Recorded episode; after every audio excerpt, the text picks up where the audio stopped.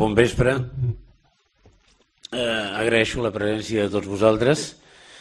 Eh, és realment bonic quan un programa alguna, eh, alguna activitat eh, veure que ha encertat i em penso que eh, la vostra presència aquí ho posa de manifest. Sou molts els que potser heu sigut alumnes del John Paul a l'Escola de Cultura de Pau, a les classes que acostuma a donar cada any. Eh, molts podeu haver llegit potser els seus llibres i altres doncs n'heu sentit a parlar i voleu saber eh, de primera mà la seva visió sobre la transformació de conflictes. Jo voldria mm, agraeixo també a la Facultat de Comunicació de Blanquerna les, les facilitats eh, en fi, inusuals eh, per haver-nos cedit la sala amb tota la benevolència i, i amabilitat. I voldria agrair, evidentment, moltíssim en el Jean Paul, el, amb el qual mm, la Fundació manté unes relacions, diguem-ne, institucionals, en tant que és membre del Comitè Internacional de la Fundació, Voldria agrair-li aquesta presència en una setmana que està plena, eh, molt plena per ell. Em deia doncs, que pràcticament havia arribat del Nepal, havia refet la maleta a casa seva i havia vingut cap aquí. Eh, bé, doncs, moltes gràcies. Per presentar-lo, mm, a mi no m'agradaria presentar el John Paul Lederach com un acadèmic, malgrat ho és i de primera, eh, i de primera classe. Eh, i un autor reputat de llibres i un home que ja ha deixat empremta en el tema del peace building eh, perquè és potser la persona que ha transformat una mica el concepte a partir de Galtung de la resolució de conflictes, doncs hem entrat en un concepte ampliat, en un concepte mm, més multidimensional, que és la transformació de conflictes, i que és el tema de la xerrada que ell ens farà avui. El Jean Paul és una persona eh, que és un acadèmic excel·lent, excel·leix com a acadèmic, autor de llibres, però, a més a més, que està compromès en la pràctica de la mediació i en la pràctica de la transformació de conflictes. Prova d'això és que anualment són molts els mesos que està lluny de casa seva i que està inserit en alguna comunitat amb, amb conflictes que pot ser a Centroamèrica, a Sud-amèrica, a l'Àsia o a l'Àfrica. Per tant, diguem-ne que és un acadèmic que teoritza sobre allò que fa i és un pràctic eh, que posa en pràctica la teoria eh, que abans, diguem-ne, ha reflexionat. I a sobre, Eh, tindríem que dir, és una persona que té un altre aspecte importantíssim, que és el que tot això està arrelat amb unes conviccions personals que el fan un personatge i una persona eh, tremendament coherent. En el món d'avui la coherència és un tema complicat tots trobem motius per no ser coherents i tots trobem motius per eh, suportar múltiples contradiccions. I és veritat que hem de saber gestionar les contradiccions, però també és veritat que aquesta gestió de les contradiccions no pot eh, significar mai una dimissió respecte dels principis.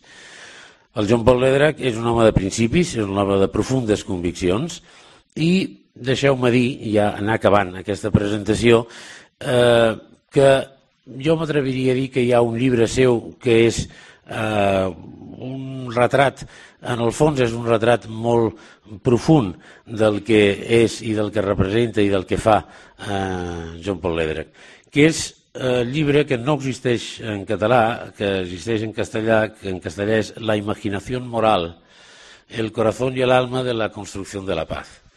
Fixeu-vos que és un llibre que parla de la construcció de la pau, però apela al cor i apela a l'ànima, és a dir, apela als sentiments, apela a la, a la sensibilitat i apela a l'ànima, és a dir, apela al més profund, al nucli personal, apela a les conviccions irrenunciables.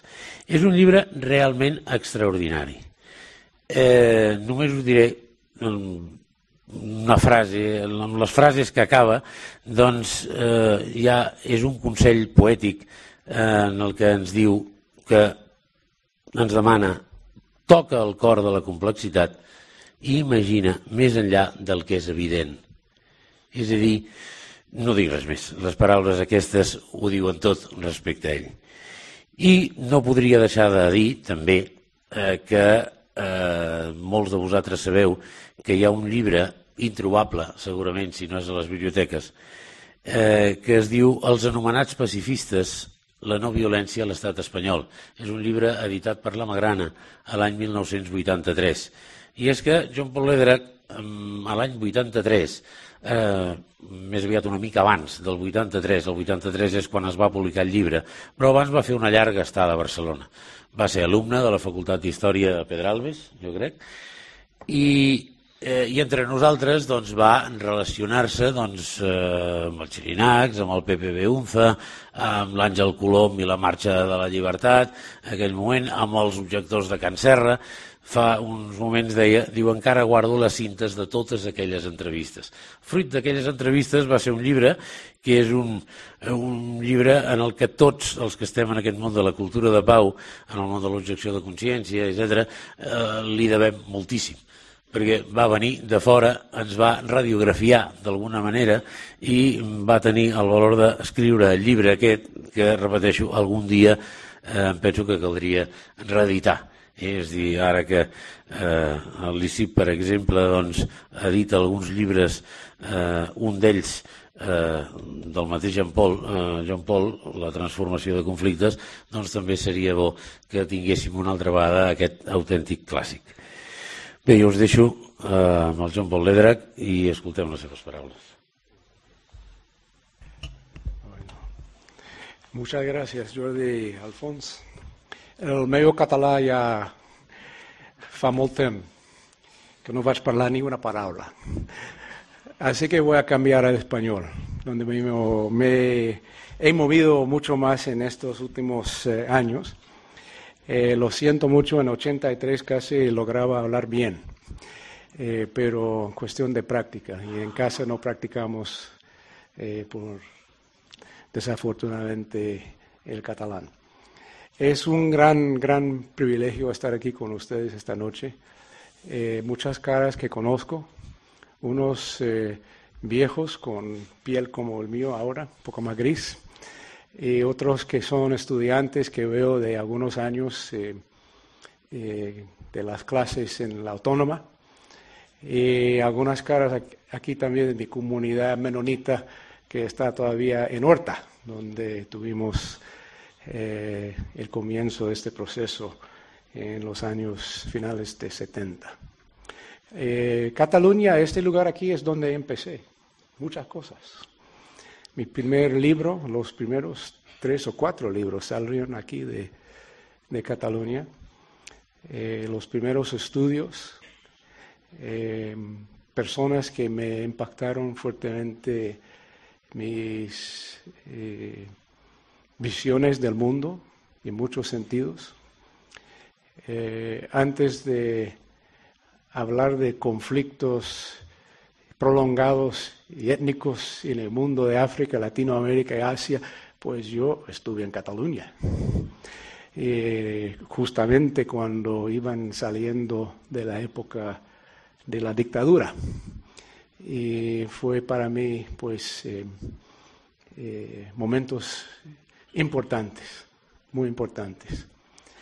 Eh, me afectaron a nivel personal y a nivel de mi trabajo práctico y académico. Así que más bien llego aquí con un corazón lleno de gratitud y agradecimiento por todo. Estoy especialmente contento de tener el segundo libro en catalán y espero que sigan algunos más. Eh, mi primer libro, em, que acaba de mencionar Alfons, fue precisamente publicado por Mangrana y aquí en Cataluña por un empuje fuerte de unos amigos eh, catalanes. Así que eh, les agradezco esta, esta oportunidad de recepción, de verdad. No sabía eh, cómo abarcar exactamente el tema esta noche, porque lo he hablado y abarcado tantas veces en distintos lugares pero sabía que iban a estar aquí personas que ya me han escuchado bastante y no quería repetir lo mismo, lo mismo. Eh, entonces pensaba quizás empezar con algo que para mí es más recién, eh, empezando con dos o tres historias, cuenticos, eh, roces que he tenido. Es decir, siempre me ha gustado la palabra rozar en castellano, sobre todo en Latinoamérica. No sé, no me acuerdo ahora aquí en, en España si en castellano es lo mismo. Roces también es conflicto, pero rozarse significa tener contacto, eh, tener un intercambio. Y lo que he tenido en los últimos años eh, han sido unos eh, contactos muy específicos que me han llamado mucho la atención, pero que son como, por así decirlo, una ventana en lo que es el trabajo actual de transformar conflictos y construir la paz.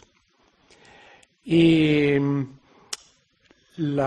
el punto de partida de esas historias viene a un pedido que me hicieron eh, una fundación en los Estados Unidos de escribir un ensayo en una serie que ellos tienen del Instituto de Fetzer, se llama, un ensayo con el gran título de ¿Cuál es tu sueño global? Y yo pensaba, muy fácil escribir eso. Escribir sobre un sueño global debería ser fácil. Entonces acepté sin pensarlo dos veces. Y empecé a escribir y no me salía. No me salía porque no logré em, esto que para mí es eh, me toca muy de cerca pensar como una persona tan privilegiada como soy, eh, pensar que puedo yo tener un sueño para todo el mundo, para el, globo entero. Entonces eh, empezaba a escribir y tenía que parar, empezaba y paraba, empezaba y paraba. Eso me duró como seis, once meses iba acercando la fecha, la fecha, la fecha que tenía que rendir el trabajo y no me salía.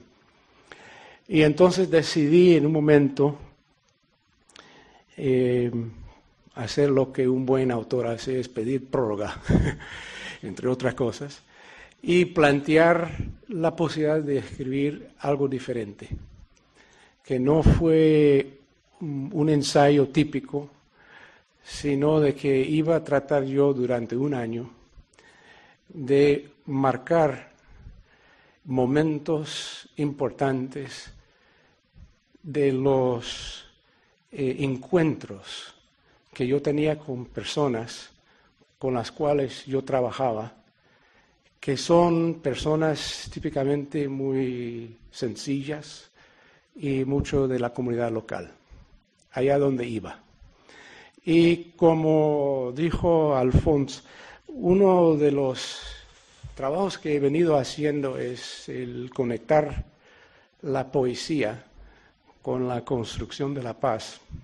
Decidí de que en este ensayo trataría por primera vez de colocar por cada encuentro un poema que trataba de retomar eh, algo de la esencia de este momento. Por desgracia no lo tengo traducido, así que no le voy a compartir muchos poemas esta noche, pero sí le voy a contar las tres historias que salieron como el corazón de ese, este ensayo. Primero, en Nepal. Estuvimos en una sala más o menos de, esta, eh, de este tamaño, pero con mesas y con gente en un taller de una semana. La verdad es que es un trabajo de 10 años que tengo y estamos en el séptimo año. Y este grupo tiene la costumbre que después de comer, cuando llegamos en lo que es la sobremesa, cuando todos tenemos sueño, tienen la costumbre de que una persona cante. Y una tarde se puso de pie Balu. Le llamamos Baluji.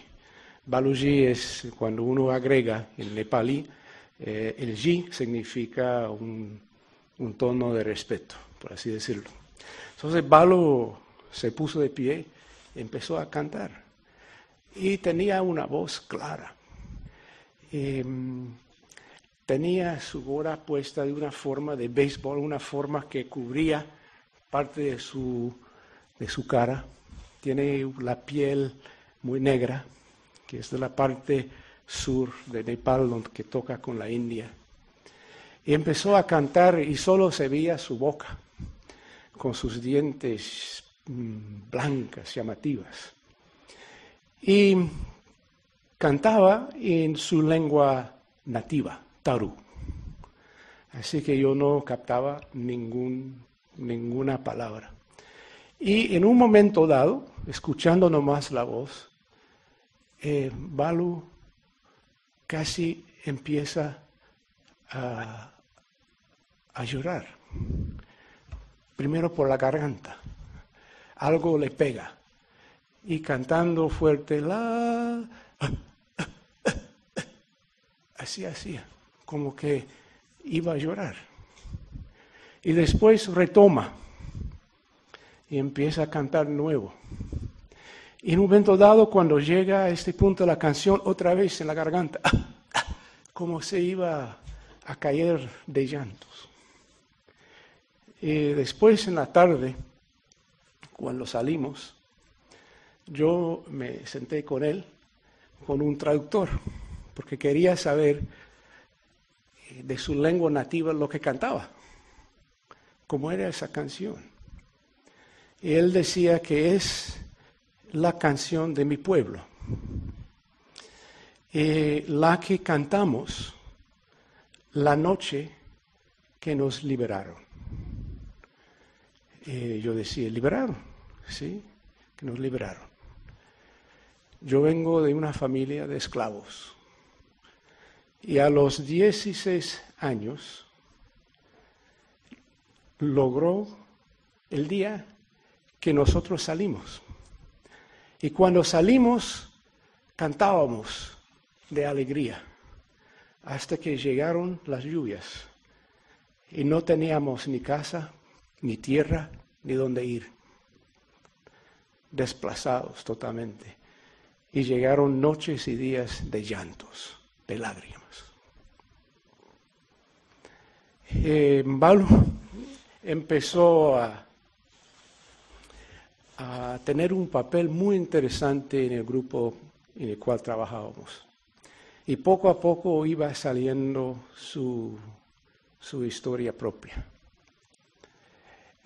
Cuando ellos llegaron, en los meses después de la liberación, llegaron para sobrevivir a un bosque, porque en muchos lugares en Nepal todavía eh, las comidas se hacen por la, el quemar la madera.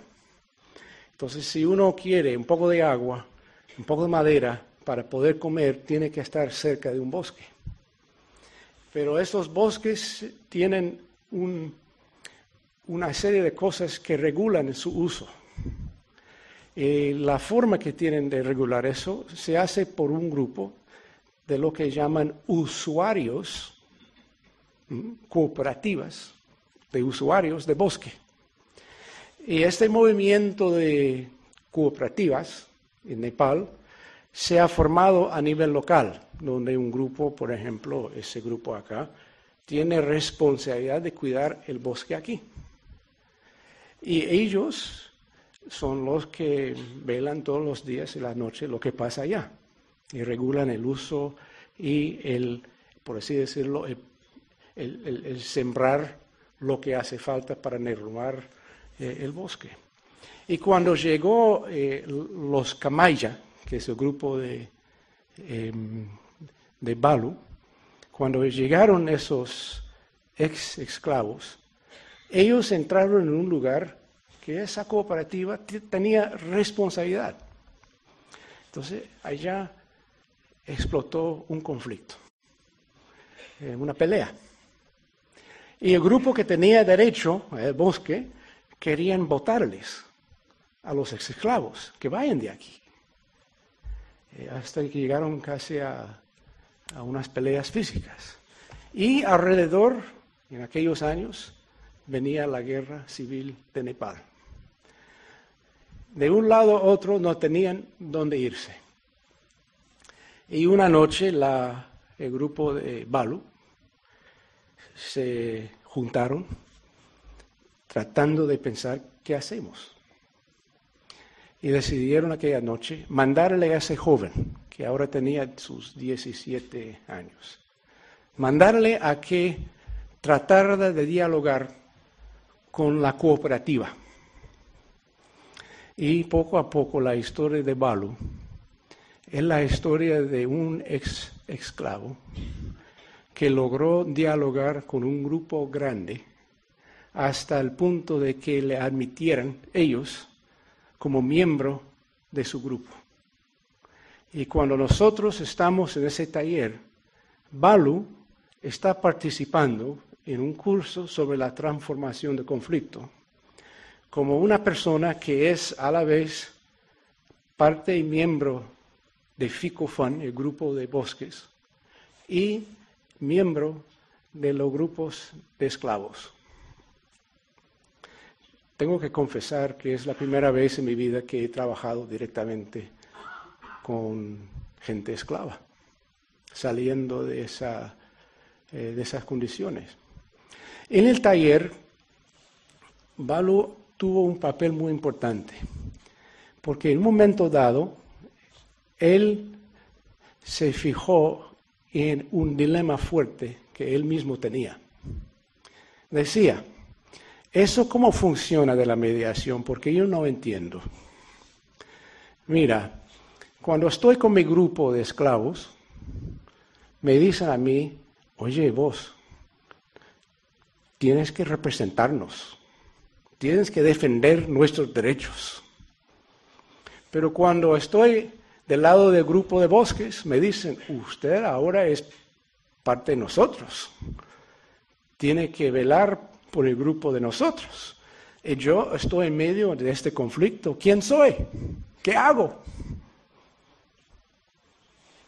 Eh, fue importante porque el modelo que iba surgiendo en aquel año, que ahora tenemos varios años de irlo probando, es un modelo de transformación de conflicto que surge desde el contexto de Nepal, que surge de unas realidades concretas que tienen que afrontar los campesinos principalmente en las áreas rurales de Nepal y que es muy distinto diferente que el modelo occidental que a menudo tenemos de mediación o de transformación de conflictos.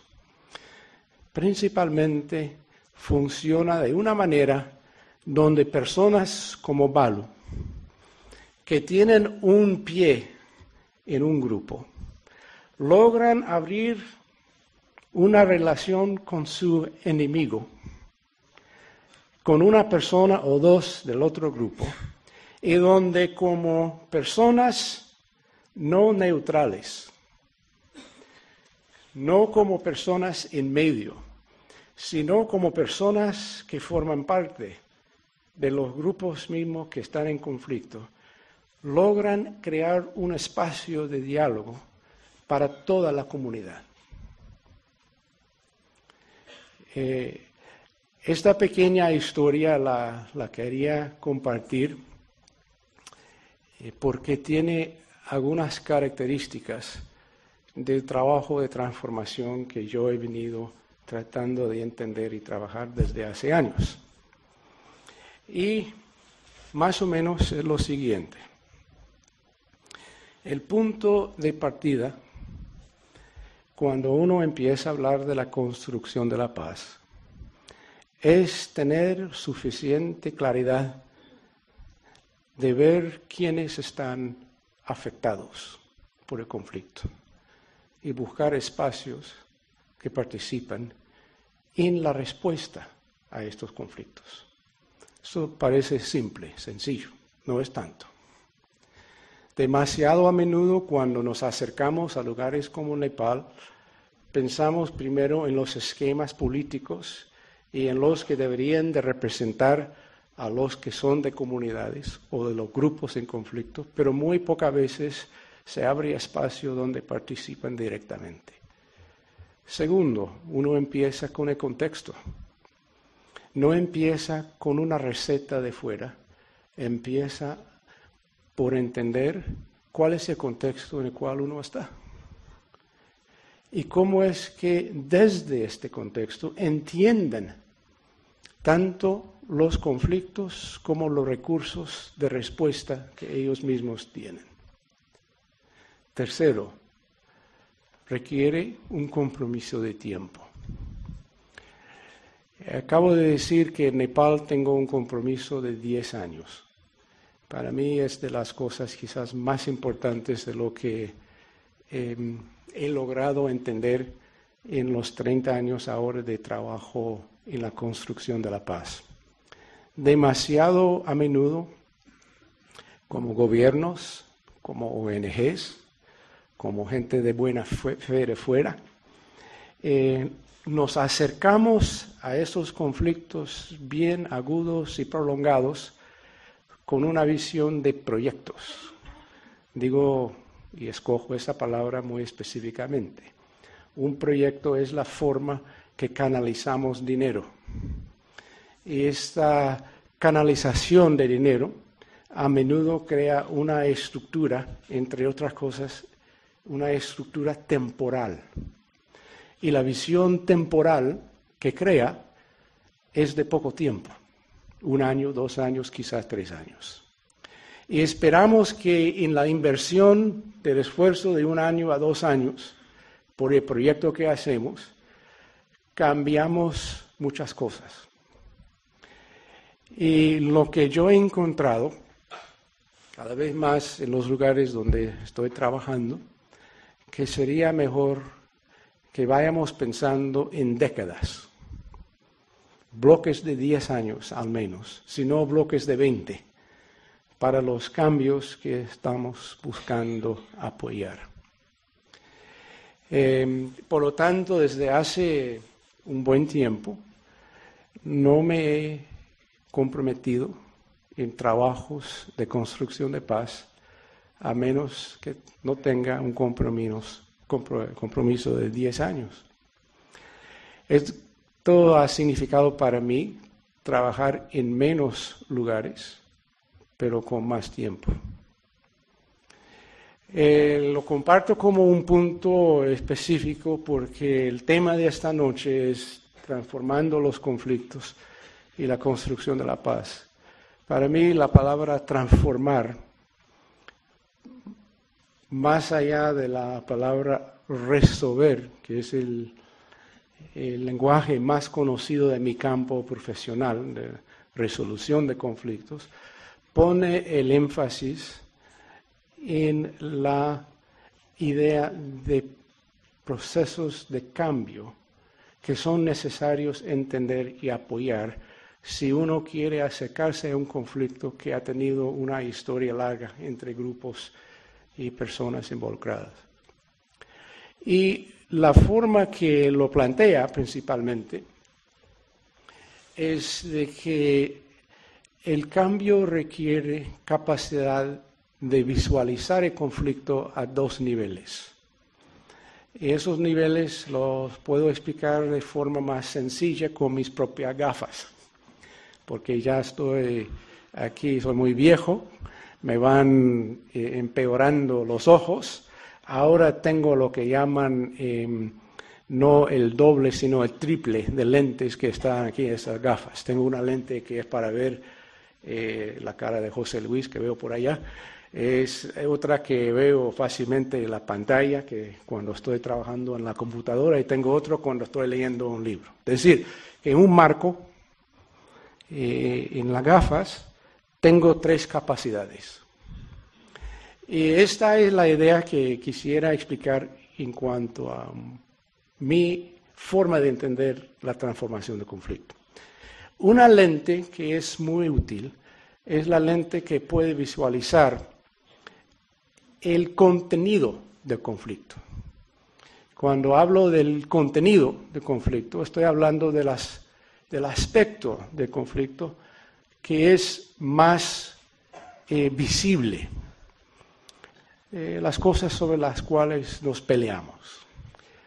Eh, el contenido de conflicto de Balu y Ficufan fue la cuestión del uso de bosque. ¿Quién puede llevar madera para hacer su pequeño incendio y fuego de, de cocinar, ese contenido. Eh, cuando estamos en casa, eh, a veces hago el ejemplo con mi esposa, eh, son los platos. ¿Quién frega platos? Para dar un ejemplo. No sé si a ustedes le ha ocurrido ese conflicto familiar. Eh, pero los platos están allá esperando que alguien le fregue, pues es cuestión de ver quién hace respuesta a esa necesidad concreta.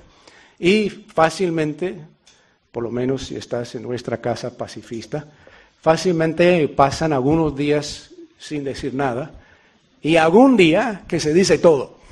Es decir, que sale una energía increíble sobre la cuestión de platos que nadie se esperaba y uno se pregunta hasta qué punto esos platos eh, eh, son tan importantes que nos, hemos hablado de esta forma, ¿verdad? Eh, ese es el contenido. Son las cosas sobre las cuales nos peleamos de forma más visible. Por debajo, subterráneo, por debajo, no tan visible, es la parte que yo llamaría el contexto relacional tiene una historia.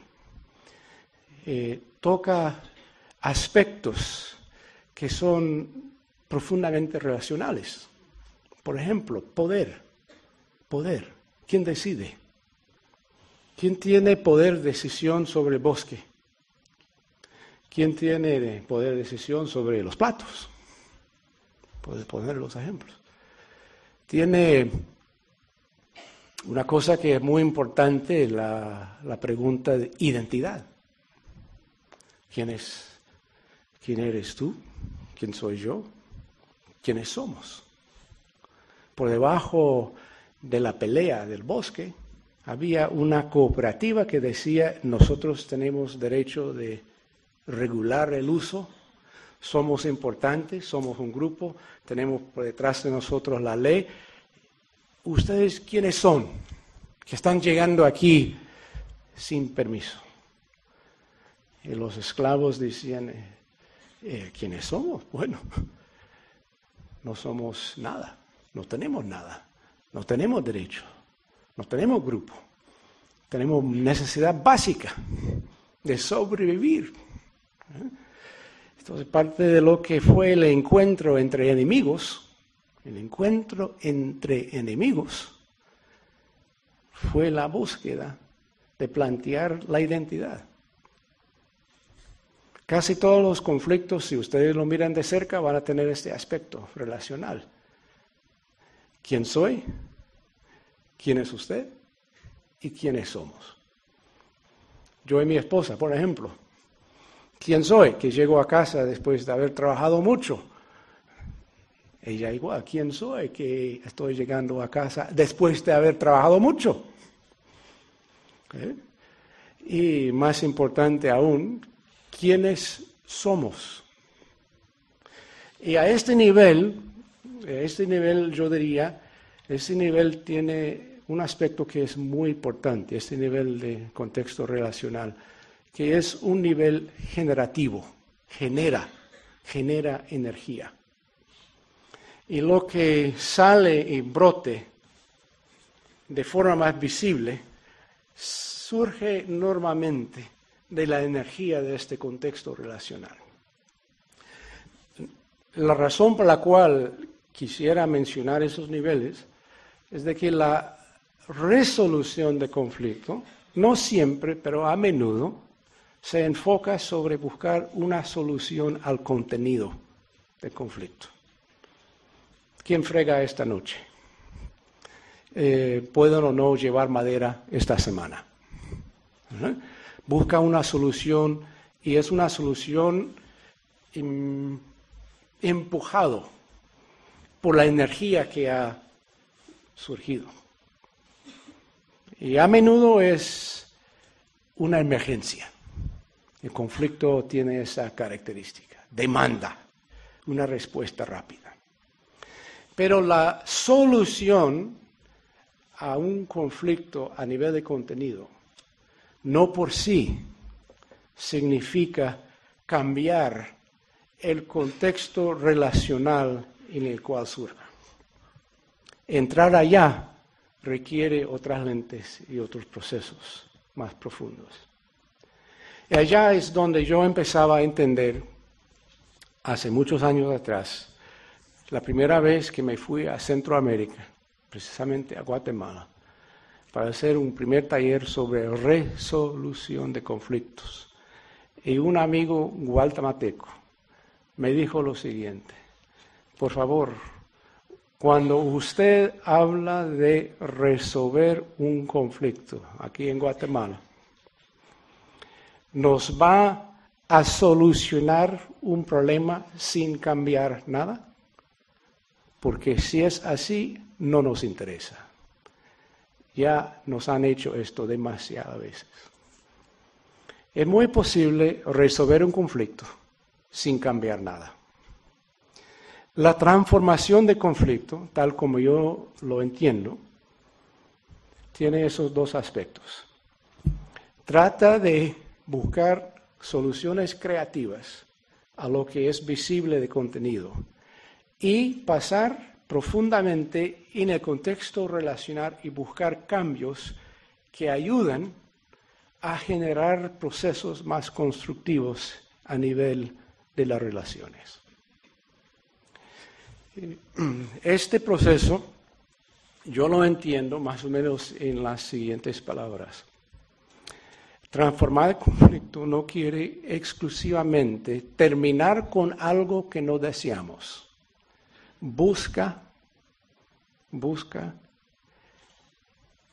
una solución creativa, pero a la vez cambiar lo que lo produce. Sobre todo cuando son vez tras vez tras vez expresiones destructivas y violentas que surjan del contexto relacional. Entonces, em, volviendo un poco a, a, mi ejemplo, Balu, Baluji. ¿Qué es lo que hizo?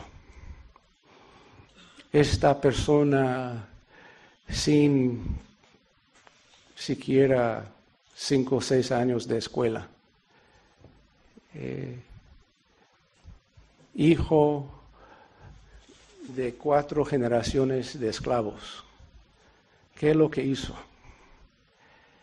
Esa persona logró cambiar su relación de enemigo para poder buscar el bien de ambas comunidades y a la vez hacer frente a cómo se puede usar de manera adecuada la madera del bosque. Y aquí es donde yo quería hacer mis últimos eh, comentarios y abrir un espacio que ustedes comentan.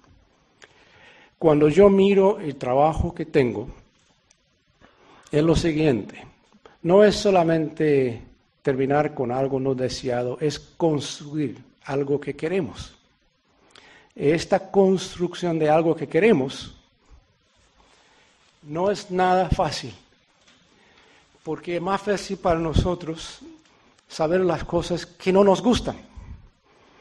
Eh, voy a imaginarme que esta noche en esta sala una buena porción de ustedes que están aquí han venido de lo que podríamos llamar, como es citado aquí por la Fundación para la Pau, de un movimiento de paz. Eh, nuestros movimientos de paz casi siempre han crecido cuando estamos en contra de algo, pero no hemos logrado mantener ese crecimiento cuando se habla de lo que queremos construir. ¿Por qué? Faltamos algo. O sea, Para mí, el pasar, la transformación de conflictos significa parar, terminar con lo que no es deseable y a la vez construir las cosas que queremos. ¿Cómo hacemos este puente? Y hay un gran dilema. Cuando mira en el mundo, aquí como conclusión, lo que veo a menudo en muchos lugares donde han padecido conflictos prolongados, lo que veo de parte de nosotros que venimos de fuera es que creemos que el cambio puede ser muy rápido con ayudas concretas. Yo lo veo como falso. Yo creo que hace falta eh, un compromiso más extendido, más a largo tiempo. Creemos que por el hecho de que padecen conflictos, carecen de recursos. Yo encuentro al revés. Los mayores y más importantes recursos surgen del mismo contexto, surgen de personas como Baluji mismo una persona que supo hacer lo que ni George Bush, ni presidente Obama, ni Zapatero, ni podemos seguirlo mencionando, ninguno de ellos ha sabido hacer. Entablar una relación redefinida con el enemigo, de una forma duradera. Y allá es donde veo uno de los grandes desafíos que tenemos. ¿Cómo cambiar la forma que nos acercamos y entendemos al enemigo? La perspectiva histórica de, los, de las naciones, eh, de los estados-naciones, de los gobiernos, nos habla principalmente no de sus actuaciones, sino de sus inversiones. Invertimos billones de euros cada año, hasta que es una suma casi no pensable. En defendernos y protegernos por las armas de los enemigos. Invertimos una cifra tan pequeñita que tampoco es imaginable en buscar alternativas a lo que son las violencias organizadas de este mundo. Ya creo que ha llegado el día que le seguimos a este ex esclavo, Baluji, que busquemos las formas concretas de hacernos frente con el enemigo, que no depende de armas, sino de la creatividad y palabras, y que cambia no solamente el contenido del conflicto, sino el contexto relacional en el cual ocurre. Allá voy a dejar esas palabras para que ustedes eh, comenten, y prefiero comentarios que preguntas. Acabo de llegar de Nepal, e igual mi cabeza no funciona demasiado bien para pensarme en buenas respuestas a sus creativas preguntas. Así que por favor aportan sus aportes y muchísimas gracias.